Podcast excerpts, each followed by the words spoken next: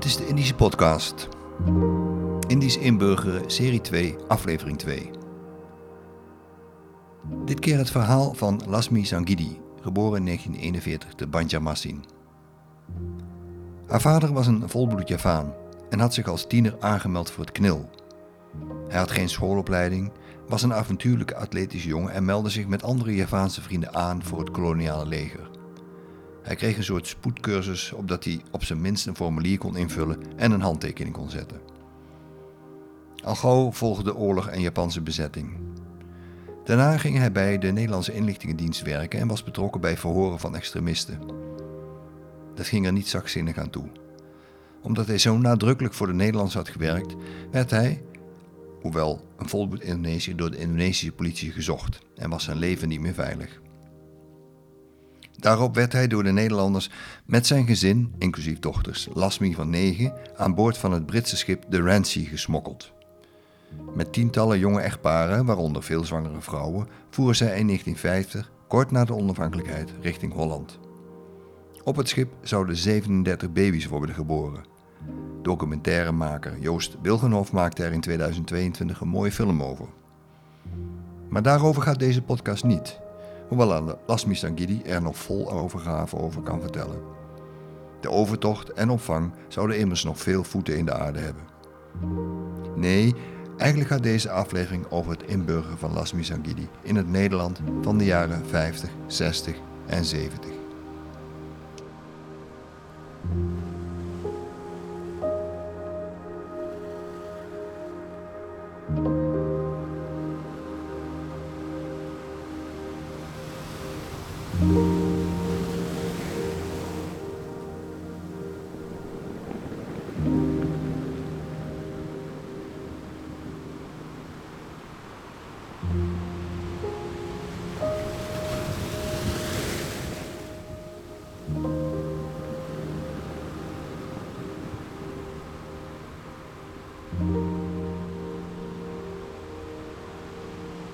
In de podcast van uh, Joost Wilgenhof uh, heb jij uitgebreid verteld over, nou ja, op welke wijze jij op dat babyschip, de Rancy, terecht ja. bent gekomen.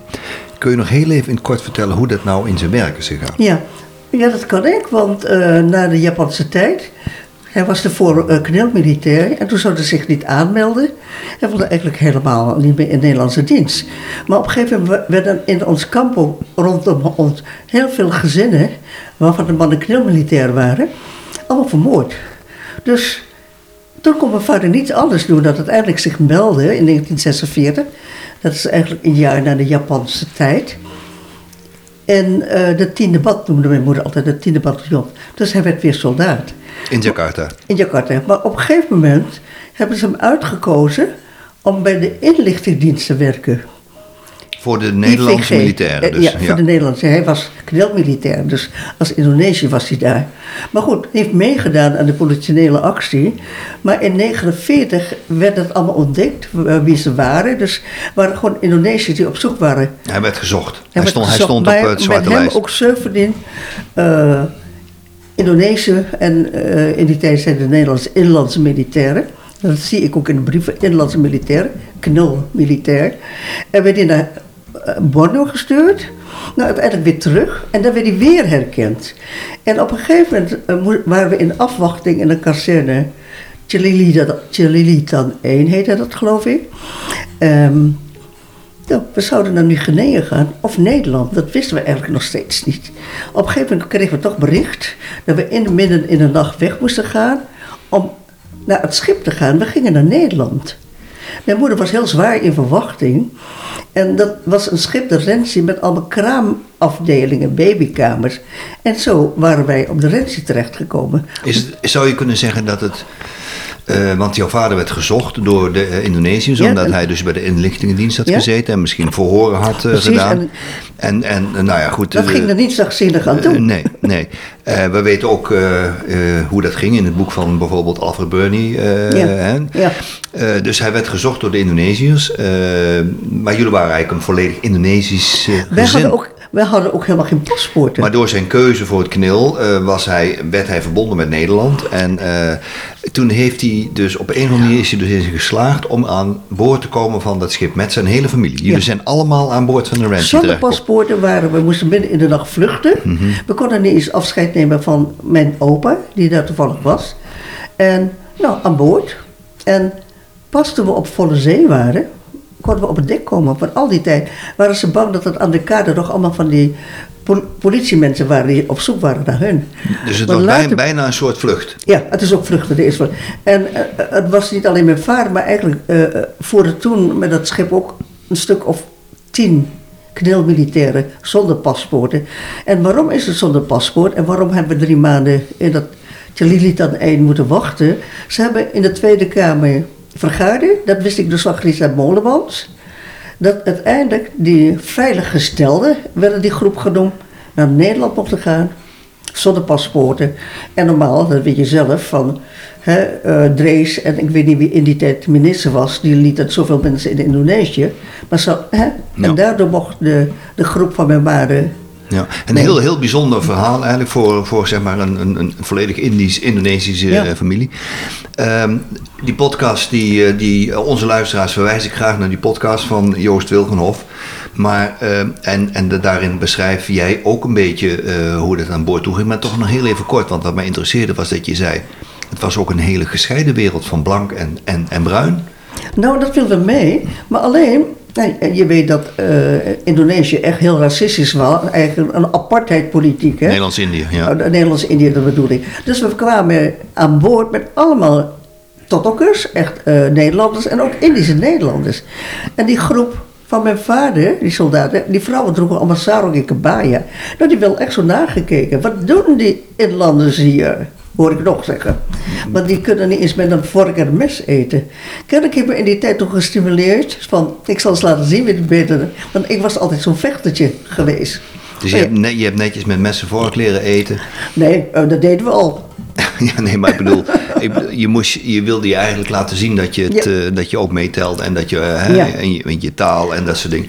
Ehm, wat kun je, want je was negen jaar toen je aan boord ging van de Ranchi. Ehm, dat was een lange reis, drie weken, vier weken? Nee, vier weken. Ja. Het was precies een dag voor mijn verjaardag. We gingen 29 eh, augustus gingen we aan boord en de volgende dag was ik jarig. Welk jaar was het? 1950. Vijftig. Alleen vierden wij als je vader nooit de verjaardagen. Dus dat ging eigenlijk zo geruisloos weer verder.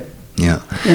En eh, eenmaal aan boord eh, werd jou verteld wat de bestemming was en wat er ging Ja, gebeuren. dat wisten we. Dat- werd Nederland. En wij kregen een hut helemaal onderaan. Want het is maar goed dat er pat- patrijspoorten zijn die niet open kunnen. Want je zag het waren zo eigenlijk... Stel dat het open is, kon je zo in de zee vasthouden. Zo laag lag het Zo laag zaten we. Ja. En wat apart was in die hut... eh, ik weet niet waar de mannen sliepen, maar mijn moeder was er en de kinderen. En er was ook een mevrouw. Een Soedanese vrouw. Ook zwaar in verwachting natuurlijk. Mevrouw Denekam.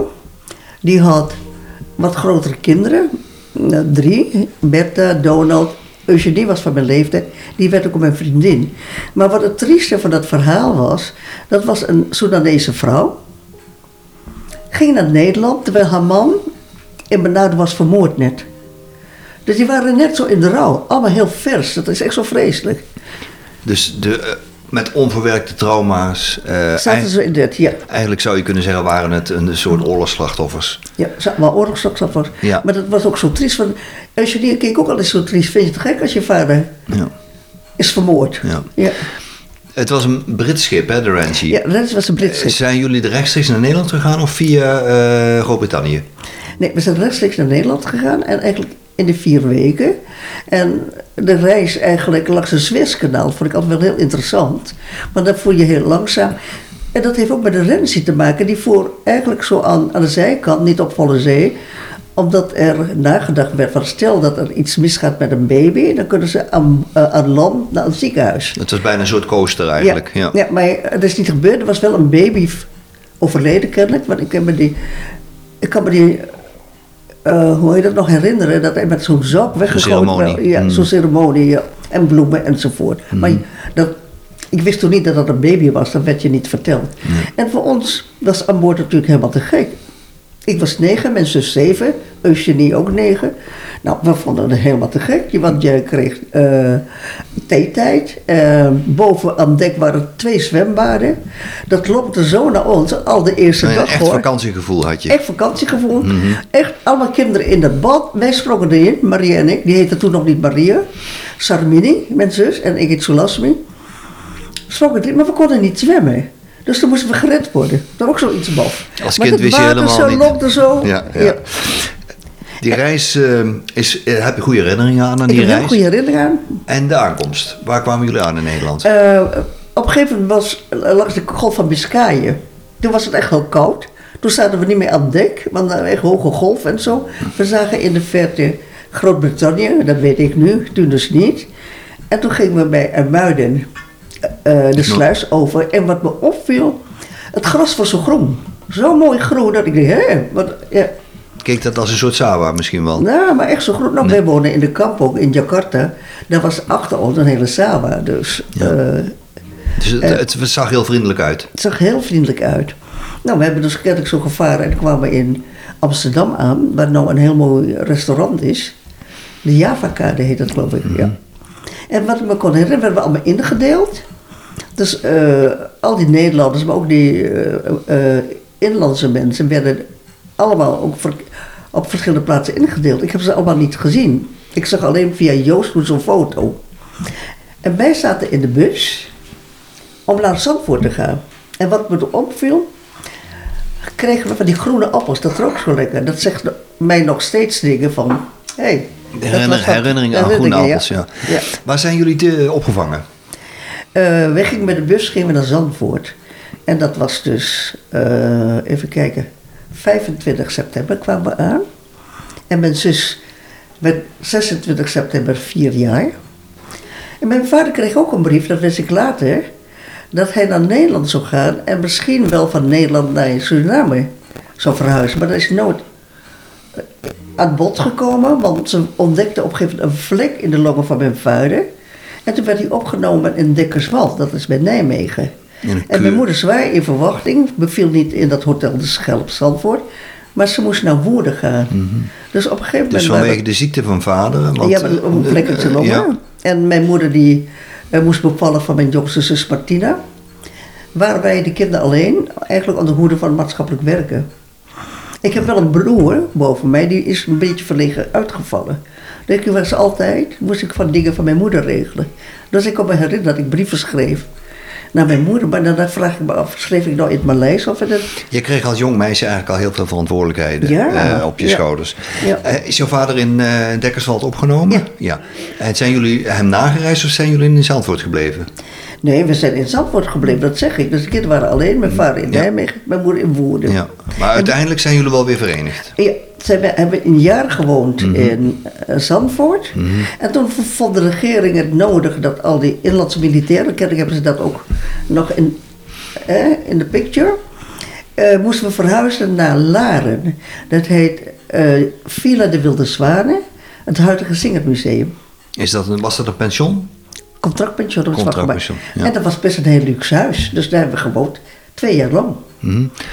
Dus jouw, zeg maar jouw eh, kinderjaren, want je was inmiddels een jaar of twaalf. Nee, ik was elf. negen, dus Nee, maar je, ah, toen je aankwam, maar je- na twee jaar was je elf, twaalf. Toen Zat je toen al, eh, ging je naar de lagere school?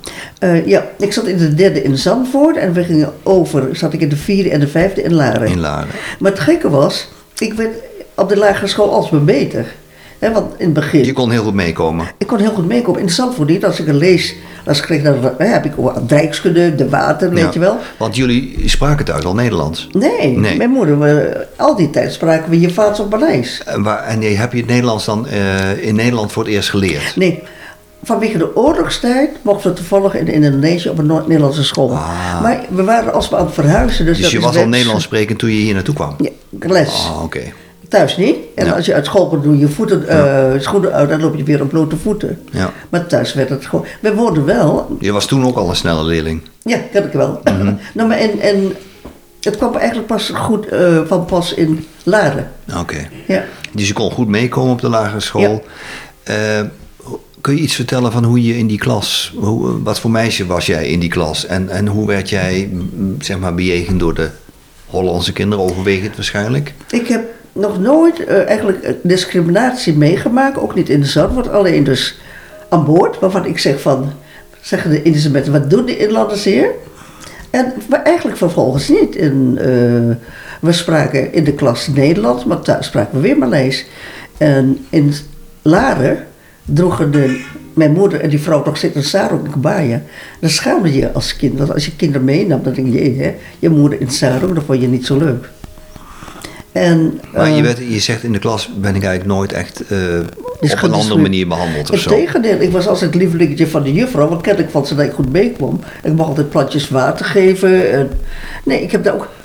En dan vroegen ze ook altijd die kinderen van, wil je mijn vriendin worden? Dan zeg ik ja. Maar dan vroegen verschillende kinderen, zeg ik ja op. En uiteindelijk ging ik met mijn familie Smit, ben ik nog steeds mee bevriend, na 70 jaar.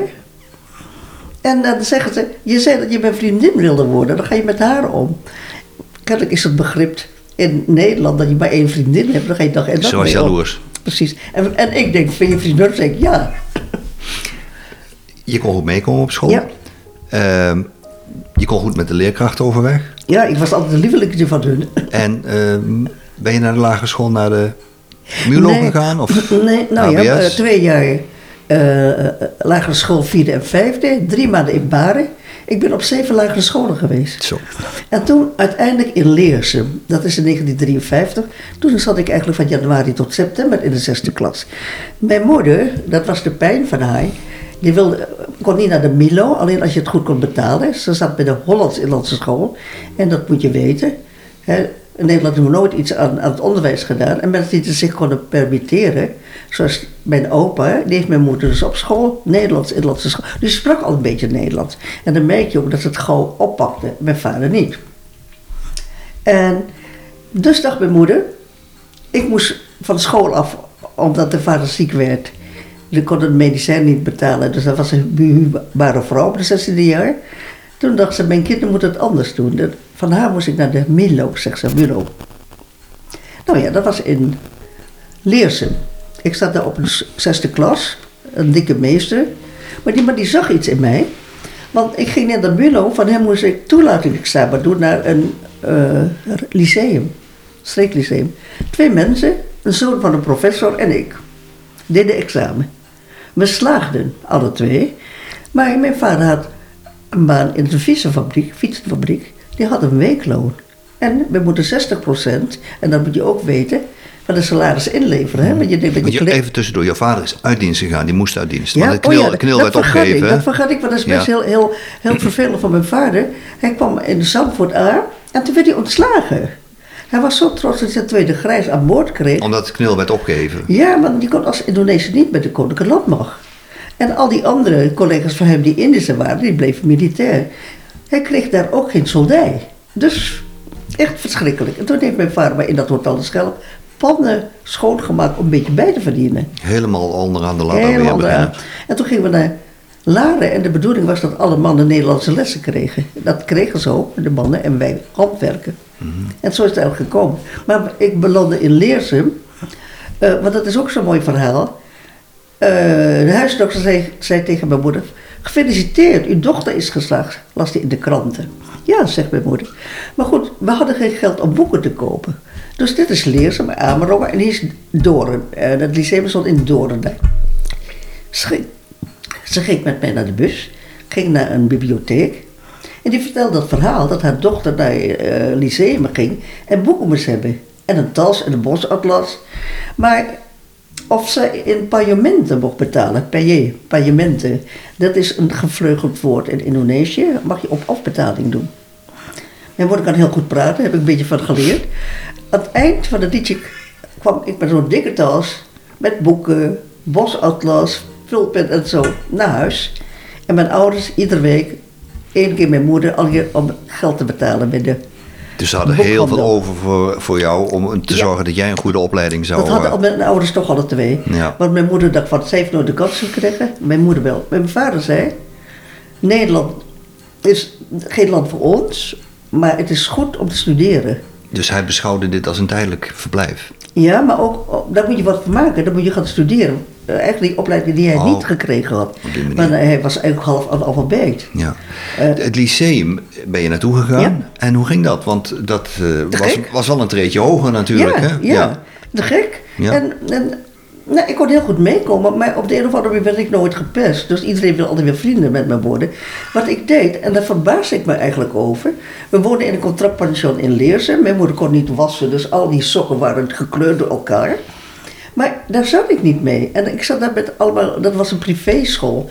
Met eh, allemaal hele mensen met kast van huis, hè? hoe weet ik dat? Uit de goede milieus. goede milieus. Mhm. Want als je een schoolfeest hebt, zo'n klasseavond, dan ga je zo oprijden aan. Hè, kom je in die dingen Zeker, je, je zat Dus in ik de heb hogere de klasse. katholiek geleerd en alles. Dus Ja. ik ging ook over. Ja. En je hebt het lyceum afgerond? Nee, e- eerste jaren. Mhm. En toen gingen we weer verhuizen, want na vijf jaar Mhm. contractpension kregen we eindelijk een huis in Utrecht. Oké. Dus wij verhuisden en we kregen een huis in de wijk Zuilen, dat is Utrecht-Noord. En ik ging naar het Bonifatius Lyceum, tweede klas. Maar daar heb je heel andere boeken, daar heb je Latijn. Ik had een verkeerde vriendin, dus ik spijbelde. Schreef altijd zelfs de brief met de handtekening van mijn vader. Vandaar dat mijn handtekening op die van mijn vader lijkt. Dus die school, dat werd geen zitten. succes. Daar ben je afgegaan. Afgegaan. Maar toen dacht dacht ik heel slim. Bonifatius is zesjarig HBS. Ik ga naar, eh, naar de Rijks-HBS. Dat is maar vijf jaar. Dus ben ik over, eh, van school verwisseld. Ik kom in de tweede klas van de Rijks-HBS. En dan ben ik iedere keer overgegaan. Dus de HBS heb je wel afgerond? Nee, Ook want niet? ik zat in de vijfde klas. En ik was heel slecht. Ik wist dat zou zakken. Maar nu, dat vond ik allemaal veel te moeilijk, dat dingen. Eh mei moest je examen doen en ik ging in februari van school af. Ik had verkering. Want toen ik daar aankwam, eh, op de Rijks-HBS, werd een jongen van de vijfde klas verliefd op mij. Die vroeg of ik met hem naar het feest ging. Je hebt ieder jaar zo'n feest. En die jongen, Wim Blonkert, heeft eigenlijk onze eh, de proces van integratie versneld. Van de inburgering, dat je toen versneld ook- Nederlander werd. Ja, maar ik denk ook dat die meester die me naar het lyceum heeft gestuurd, daar ook eigenlijk de eerste aanzet heeft Mhm. Ja. gegeven. Maar Om- toch even over die school blijven. Want je zei op een gegeven moment, het, eh, je hebt het allemaal niet afgemaakt. Eh, had het met de thuissituatie te maken? Of, of, of Nee, misschien met je leeftijd? Mijn vader had twee banen om al de kinderen naar de middelbare school te laten gaan. Daar had hij echt twee banen voor. En heel veel Indische Nederlands laten de kinderen werken om, die schulden mee te betalen. Want ze hadden op een gegeven moment een schuld omgerekend. En Maar dat- voelde je je dan schuldig dat, je, dat het je niet lukte, het lyceum, niet het HBS? Nee. Nee?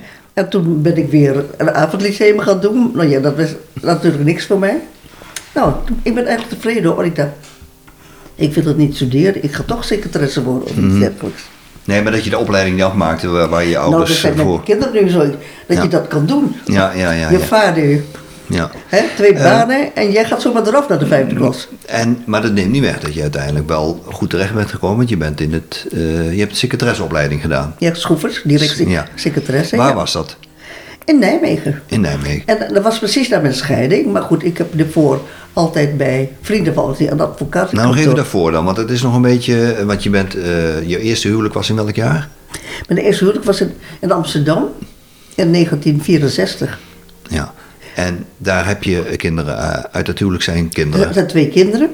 En we wonen op de prachtigste plek in Amsterdam. Dat is aan de Amstel, waar nu het eh, muziektheater staat. Dat was toen nog niet. Maar voor de kinderen, voor Menno, toen hadden we een zoon, zijn we eigenlijk naar Nijmegen gegaan. Want een collega van mijn ex-man, eh, die ging daar solliciteren op de Wielenberg. Een dubbel gehandicapte school. En daar gingen we naartoe. En kregen we ook een huis in de gemeente Beek. En dan hebben we het over welk jaar? En dan heb ik het over 1967.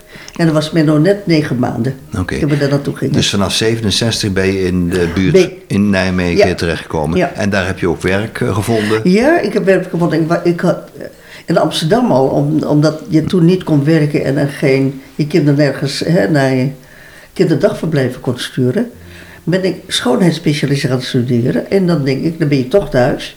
En dat had ik ook gedaan. Dan heb je inkomen en... en dan je- kan ik werken en, eh, ja, en, zo, Dus, je- en dus je, had prac- je had een praktijk aan huis. Ja. ja. Hoe lang heb je dat gedaan?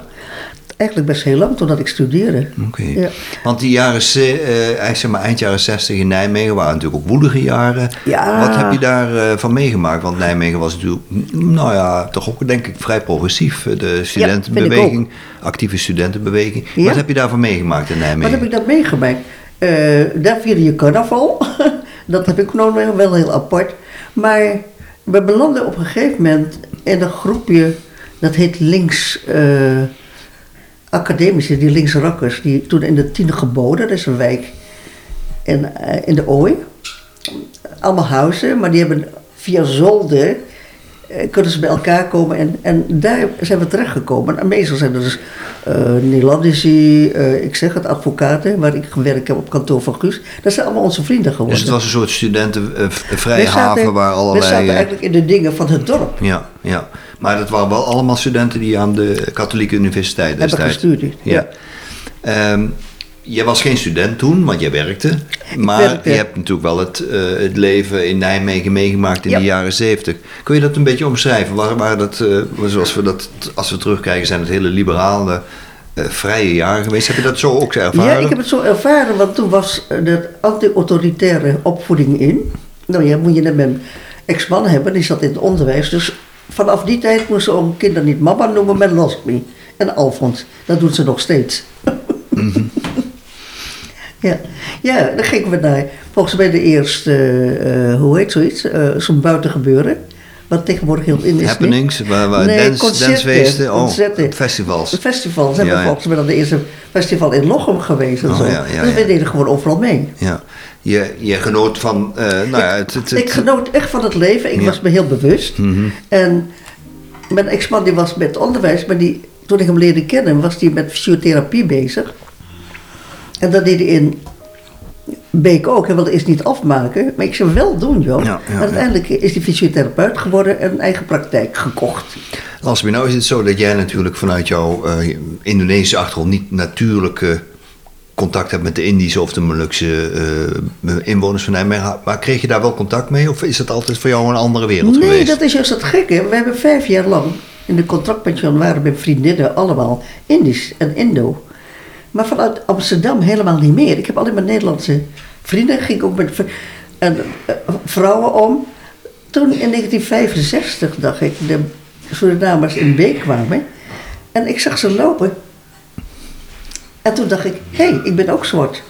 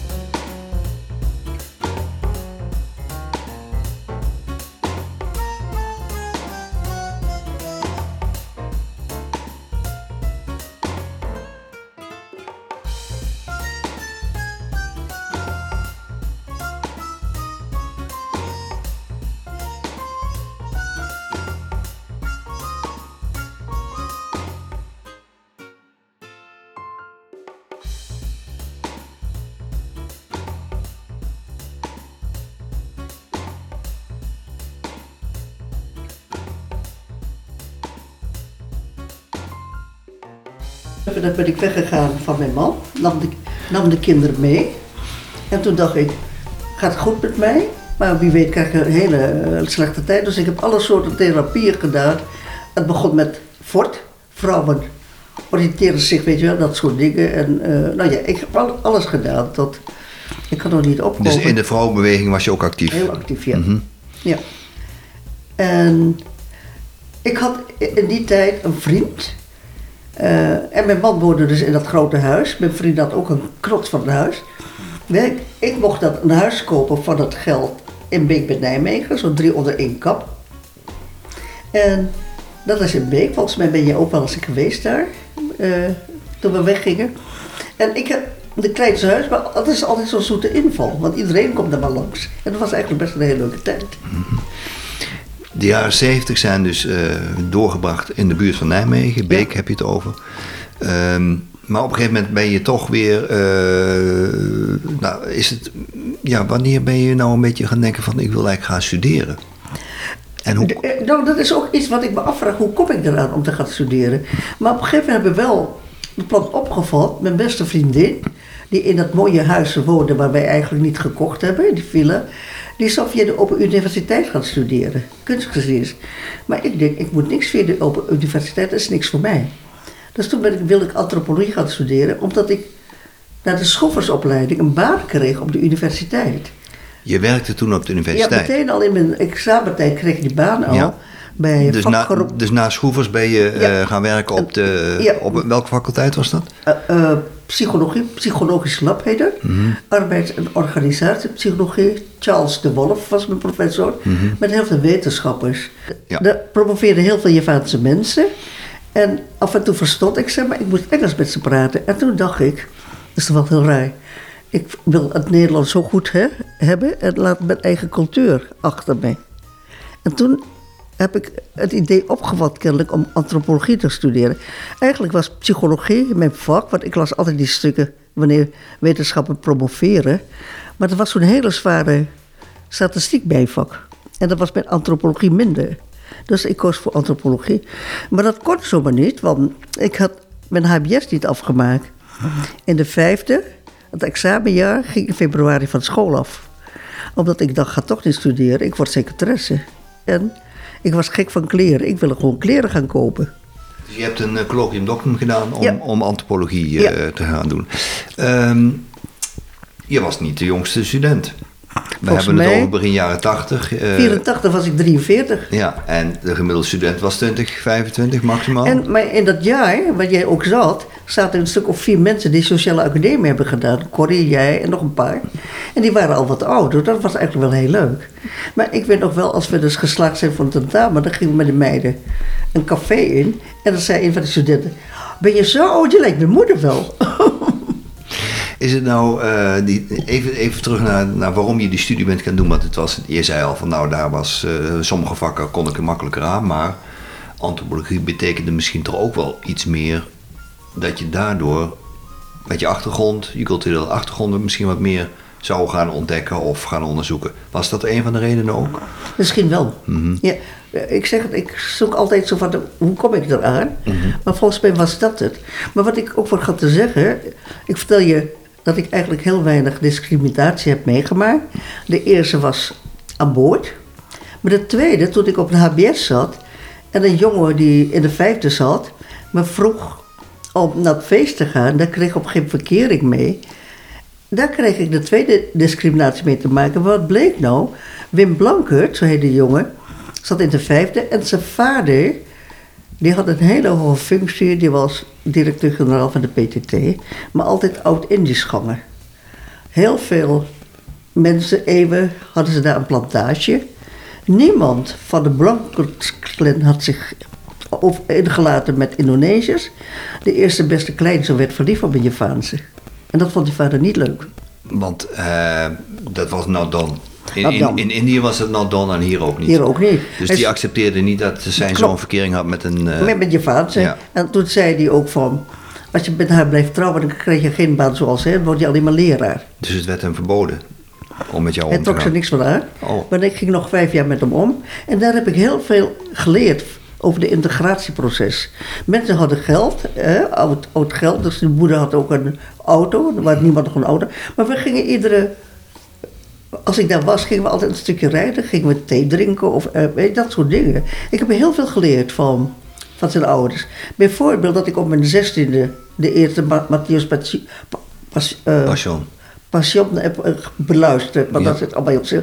En dat soort dingen. Ja, ja je kreeg dus... servetten eten en ja. overal naartoe gaan. de hele etiket, maar ook eh, met, je raakte in aanraking met klassieke muziek en met... Ja. ja, Ja, ja. nee, dat is waar. En wat ik ook gedaan heb, want je weet, dat ik heb gewerkt voor Amsterdam Centrum Buitenlanders. Dan kregen de Marokkanen altijd een lagere schooladvies. Hè? Dat was in onze tijd ook. Mijn zusje moest allemaal naar huisartschool, Maria moest naar de. Maar toen ik op de HBS zat, zei ik, Maria, Sarmini, die naam kregen ze, dat vergeet te vertellen, in Zandvoort werden we gedoopt. Mijn ouders waren moslim. En op een gegeven moment gingen we naar katholieke school.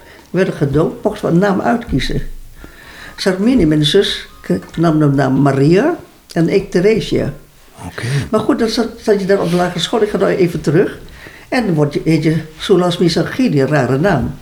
Toen we naar Laren gingen, dacht ik, ik heet Trace. Dus van, vanaf die tijd... Je hebt die naam ook echt aangenomen. Ja. Zo, zo stelde Niemand je... kende me toen als Lasmi, maar Zo Trace. stelde je ook voor. Alleen thuis is Lasmi. Ja. En op school was het Trace Sangini in Laren. En was dat, betekende dat voor jou dat je toen dacht, nou ben ik definitief Nederlandse? Ik denk het. Ja. Je wilde gewoon doen. Vandaar dat wij... Hè, dat was wil- nog niet officieel, Ja. want we hadden geen paspoort. Maar we werden wel Maria, Trace en eh, dingen genoemd. Ja. Dat- En de tweede keer dat je zei de discriminatie die je meemaakt, of althans dat ze zeiden van, je, hè, dat was die verkering dus met die jongen. Ja. Eh, maar in het algemeen zeg je van, ik heb eigenlijk weinig, eh, als je het over inburgering hebt, weinig het gevoel gehad dat ik achtergesteld ben. Of, Ik heb weinig gevoel gehad dat ik achtergesteld ben. Op de een of andere manier eh, ben ik, ik zo blij met mezelf... dat ik altijd vriendjes heb en altijd contact heb en alles. Mhm. Je hebt voor jouw gevoel ook alle kansen gehad. Ja hoor, Ja. zeker. Ja. Nou ben je later eh, hertrouwd. ja. Eh, Nou, maar in Amsterdam heb ik ook het andere geleerd. Dat was toen echt, weet je wel, de, de 70 Mhm. met de Beatrix vrouw, de hele toestanden. Daar heb ik nog een stuk meegekregen. Ik Geen toch woning, in de links koning. intellectuele hoek. je, dus- je bent dus ook een beetje in de links-progressieve hoek. eh, ja, we gingen dan nachtconcerten en dat soort dingen. Ja. Dus heb ik allemaal in Amsterdam meegekregen. Ja. Ja. Even, de, even een sprong maken weer naar Nijmegen. Je zei nou lange tijd in Beek gewoond, de berg gekregen aan de universiteit, gaan studeren. Tijdens die studie zeg je, eh, waren we met een klein clubje iets oudere studenten, wat met elkaar optrok. Ja. Tegelijkertijd was het ook zo dat jij destijds natuurlijk een, je moest een onderwerp gaan vinden waar je op wilde afstuderen. Ja. En dat is in jouw geval identiteit Ja. geweest. En eh, wa- waren daar ook veel raakvlakken met je Indonesische achtergrond? Eh, ja, hoe moet ik het zeggen? Ik denk het wel. Dat, wat ik mij voor nu uithaalde. Mijn moeder zei altijd: als jullie naar Indonesië gaan, wil ik niet dat jullie langs gaan. Ze vinden o- ons, haar kinderen, kasar. De Indonesische mentaliteit is alus, zachter. Even terug, je moeder zei ik wil niet dat je bij familie langs Nee, gaat. want ze, we- ze vinden ons eigenlijk best van die Jullie zijn zo voor Hollands. Hollands, van die ja, doordouwers en helemaal Ja. niks met. En heb je daaraan voldaan, aan, die, eh, aan dat verzoek om niet langs familie te gaan? Ja, Je mijn bent- zus niet, maar dat wilden ze echt niet. Dus als je terug, toen je terug naar Indonesië ging, ben je niet langs familie gegaan? Nee. Goh, Nee. dat is best bijzonder. Nou, maar, eh, wel toch wel even naar het dingen van mijn vader. Dat was ook heel apart. Mhm. Dat was onze huwelijksreis. En wij gingen dus terug naar eh, het kampong van mijn vader, Karanglo. Waar was dat? In? Dat is bij Magelang, bij Oké. Moentiland. Mhm. Maar de, vooraf waren we in... eh, eh, Die was dus in Magelang? waar mijn zus dus gewoond heeft. Ja. Wat, wat erg dit. Kan er niet opkomen? Ik kan niet opkomen op die plaats. Geeft hij. Eh, waar zo'n kleine staat. Surakarta? Nee, eh, in eh, een buitenlandse staat met de... in- aan het punt van, liggen over Maleisië. Borneo, Borneo. Je bedoelt... Die andere. de stadstaat. Ehm, ja, nou kan ik er zelf ook niet... Met een S, hè? Ja, Singapore. Singapore. Singapore. Ja. En ehm, jullie hebben dus, dus je bent teruggegaan naar Indonesië, of misschien wel vaker. Was je de eerste keer. Maar je hebt nooit eh, nadrukkelijk eh, familiebezoek gedaan, behalve dan een Alleen de stukje van laatste je vader. met mijn vader, ja. Maar die reis naar Indonesië, was dat tijdens je studie? Ja, Ja. Ik zat dat in Indonesië kunnen te doen. Ik had het in tentamencurriculum. En ik belde nog op Schiphol op of ik geslaagd was. Ik was geslaagd voor dat Indonesië. In Leiden deden we dat. Ja. Ja. En is het nou, eh, heeft dat ook voor jou nieuwe inzichten gegeven? Dat je na zoveel jaar terug was in Indonesië, het land van, van jouw geboorteland, zeg Ja. maar. Wat, wat voelde je toen? Had je toen ook het idee, nou, ik ben nou zo Hollands geworden, dit is, Nee. is niet mijn volk meer? Ik, ik voelde, ik rook dat, een, een heel bepaalde geur in Singapore al. En toen dacht ik, ja, hier ben ik eigenlijk thuis. Toch? Ja. En ehm, thuis in die zin dat je dacht, ik moet er meer mee doen? Of zei je nee, het blijft een vakantieland? Eh, nee, ik zou niet daar willen wonen. Nee, maar ik ging er wel veel naartoe. Ja. En heeft het nog invloed gehad op je studie? Heb je nog onderwerpen gedaan die daarmee te maken hadden? Nee, want ik heb het toen al gekozen. Ja. Ja. ja. Je hebt Indonesiëkunde gedaan, Ja, maar je bent... ik, heb, ik heb heel bewust dat brede Indonesië kunnen, dat is taal, cultuur, hè, de nieuwe orde en de oude orde. Ja. Maar je scriptie ging niet over Indonesië? Nee. Nee, die ging Ik over... had achteraf wel spijt van hoor. Waarom heb ik eigenlijk niet Indonesische taal en letterkunde gedaan? En de cultuur. Mhm, Ja. Dat was een beetje dom, vond ik dat. Na je afstuderen, want dat was... eh, ja, je bent eind jaren 80 ook afgestudeerd, denk ik, 89? 90. 90. Eh, heb je er iets mee gedaan met je antropologie-studie? Ja, zeker. Wat heb je ermee ik, gedaan? Ik heb eigenlijk al vrij snel een baan. We gingen naar eh Amstelveen, daar woonde ik met Jo. En toen had ik drie open sollicitatiebrieven geschreven. Waarvan één in Haarlem, dat was een tijdelijke baan als secretaresse. En toen werd ik opgeroepen door het Amsterdam Centrum Buitenlanders. Geweldig. Ik kon die baan krijgen, alleen was het voor hele dagen. En Jo werkte zelf drie dagen in eh, Den Haag op de kunstacademie. Dus uiteindelijk hebben we iemand gevonden, ook die die andere helft wilde nemen. En daar heb ik een geweldige tijd gehad. Want Amsterdam ging net over naar die stadsdeellader. En ik heb dat vak vrouwen en volwassen educatie. Dus ik mocht heel veel dingen voor de vrouwen doen. Dat was een geweldige tijd. Dus, je heb hebt- ik tot het pensioen gewerkt. Ja, dat betekent dat je dus toen ook met allerlei culturen te maken kreeg. Ja, en wat heel apart was, mijn directeur, die heeft een hele goede contacten met, sorry, met Hedy Dancona, die in die tijd minister was. Dus we kregen altijd van tevoren wat de speerpunten van hun zijn, dan gingen we dat ook pakken. Dus dat ging echt heel goed. Dus dat was voor jou eh, een verrijking. Je, je, had, Verrijking. je, je, je- je had wat aan je studie. eh, je, gaat, je had een nieuwe stap in je leven gemaakt. Je Ja. weer in Amsterdam. Ja. Ehm, hoe lang heb je in Amsterdam gewoond? Ik Of in heb- Amstelveen eigenlijk? Amstelveen. Amsterdam heb ik van 64 tot 67. Toen eh, ben ik getrouwd. En de tweede keer worden we in Amstelveen. Maar Jo heeft altijd een studio in Amsterdam gehad. En ik werkte ook in Amsterdam. Eigenlijk tot de tijd. Ja. 94. Ja. En ehm, uiteindelijk ben je naar Hilversum gegaan. ja. Ehm, een jaar of vijf na je studie, na, na, of vier na afstuderen. Naar Hilversum. Eh, waarom Hilversum? Eh, we wilden verhuizen. Ik ging bij Jo inwonen. En Jo is weduwnaar. En ik had altijd het gevoel van... Ik zit bij Jo en Pier in de klas. Ik zei hem, wil je niet, als je gepensioneerd bent, gaan verhuizen? Want ik heb alleen dat bureau, deze kas en nog een bank. De Beekse Kamer. Toen zei Jo, waarom eigenlijk niet nu? En zo zijn we naar huizen gaan kijken. En dit huis hebben we in de krant gezien. Vonden we zo leuk. Een mooi uitzicht. Toen hebben we dat binnen een dag gekocht. Maar dat was ook booming in die tijd. Bijna 30 jaar geleden. Ja. Mooi. En je woont hier dus al 30 zo lang. Van 2003, nee, eh, Ja. 1993. Oh. Oh, wacht even. Ja, oh, dat- 2023. Dat is een hele tijd, ja. En je hebt dus eigenlijk eh, hier eh, ook, eh, nou ja, laten we zo zeggen, je plek gevonden. En ook in de Hilversum, ge- Ik zit in de gemeenschap. plek, ik, heb, ik zit in een hele interessante leesclub. Daar, z- daar zitten alleen vrouwen die ooit in, in, eh, in het buitenland zijn geweest. Eh, de mannen hebben Nijenrode gedaan, erg in de top. Die komt naar een knopt van huizen. Dus dat vind ik wel ook heel apart. Zoiets van, hé. Ja, je hebt Ja. hier de aansluiting gevonden bij de, ook weer het gegoede milieu. Nou, het gekke is, ik ga met die mensen om, maar ik ga in Beek ook met eh, de buurvrouw die, de man is dan stofferen of zo. Dus dat, ja. dat, dat maakt me niks uit. Ja. Ja. maar het is wel zo dat je, je hebt altijd toch wel, eh, nou, zeker, zeker voorliefde voor een bepaald milieu gehad. Ik denk het wel. Ja, En ik denk dat het eigenlijk gekomen is door Wim, mijn eerste oké, verloofde. ja, ja, Ja. ja. En ik ben ook nog steeds bevriend eh, met eh, vrouwen die in Laren woonden. Mhm. Toen was ik tien jaar. En Ingrid Smit was negen jaar. Heb ik nog steeds contact met jeugdvrienden. ex-zussen. Maar Ja. ook bij de familie. Ja. En dat is een makelaarskantoor. Ja. Die was helemaal booming. Al de broers hebben zowat half Hilversum in handen. En dat soort dingen. Lasmi, je bent nu, wat je zou kunnen zeggen, eigenlijk al gepensioneerd. Hè? Ja, ik ben al lang gepensioneerd. Eh, ja, en ehm, als ik jou vraag, wat, wat, wat betekent jouw Indonesische achtergrond nu nog voor je? Hoe zou je dat dan eh omschrijven? Ik ben altijd heel blij dat ik eigenlijk in twee culturen ben opgevoed. En eh, het doet me pijn dat ik niet meer van Indonesië heb geweten.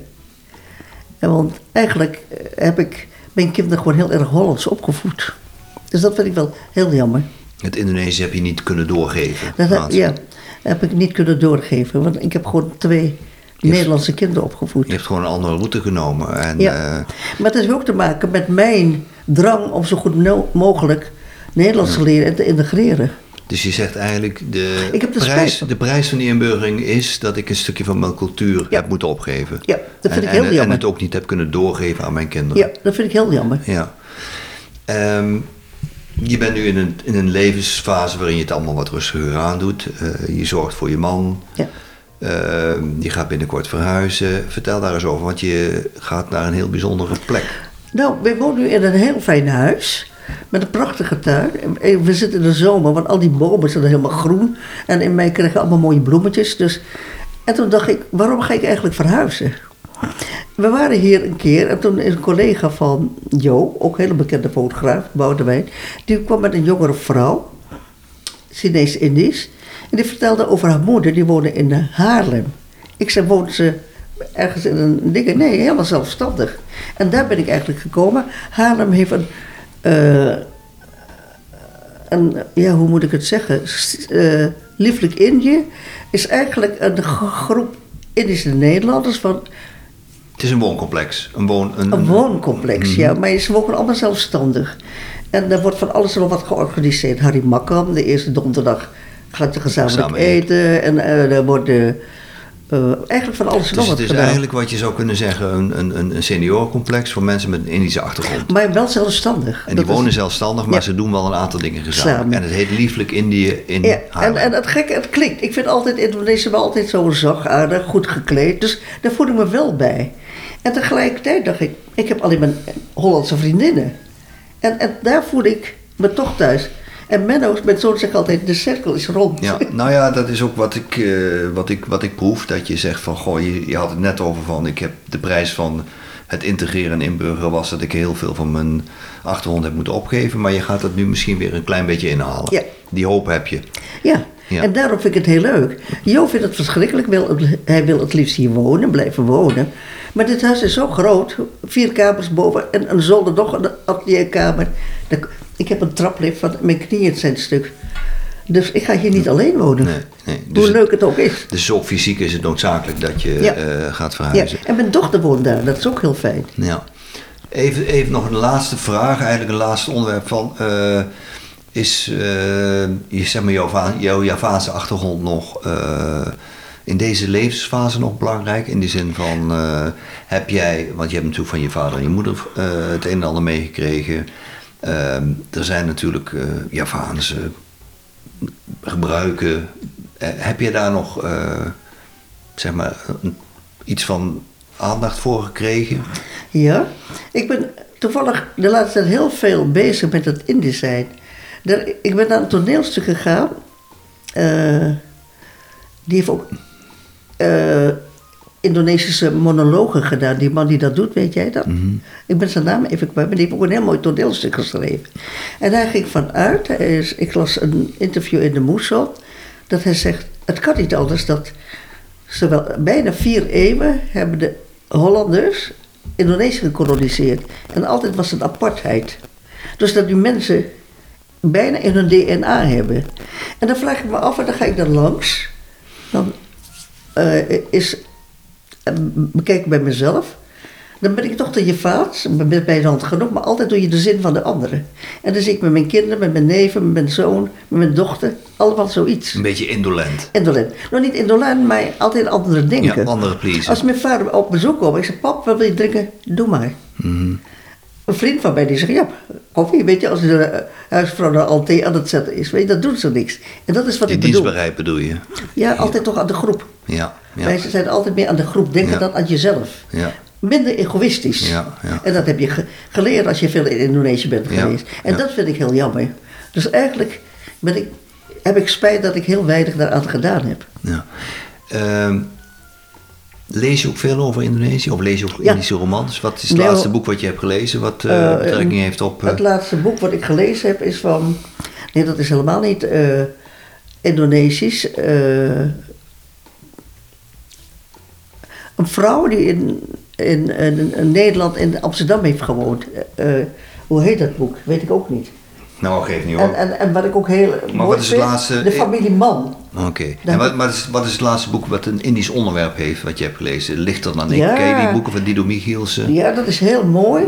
Eh, dat is eh, van die andere historicus. Van, David van Rijbroek?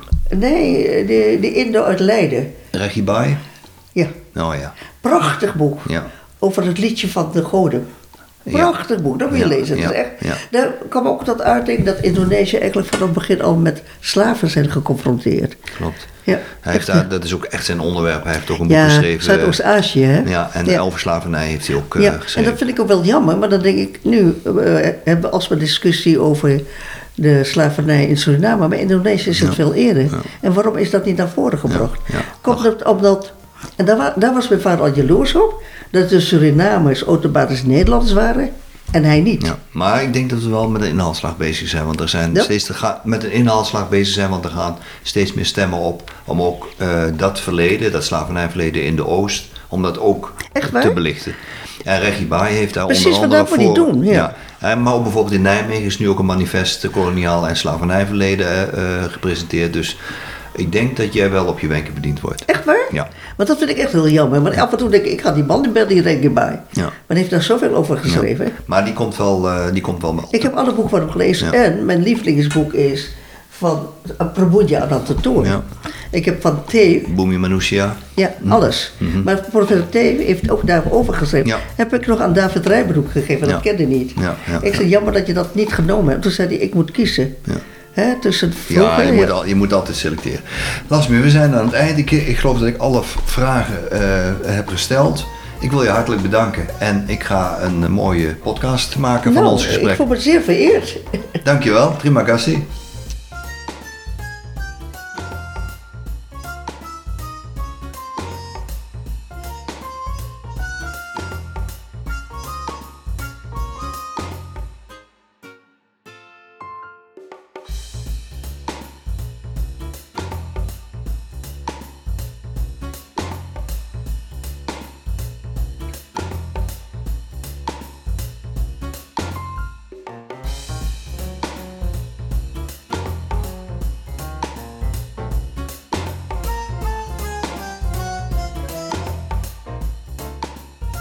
Was de Indische Podcast. Productie Stichting Pelita. Presentatie Peter van Riel.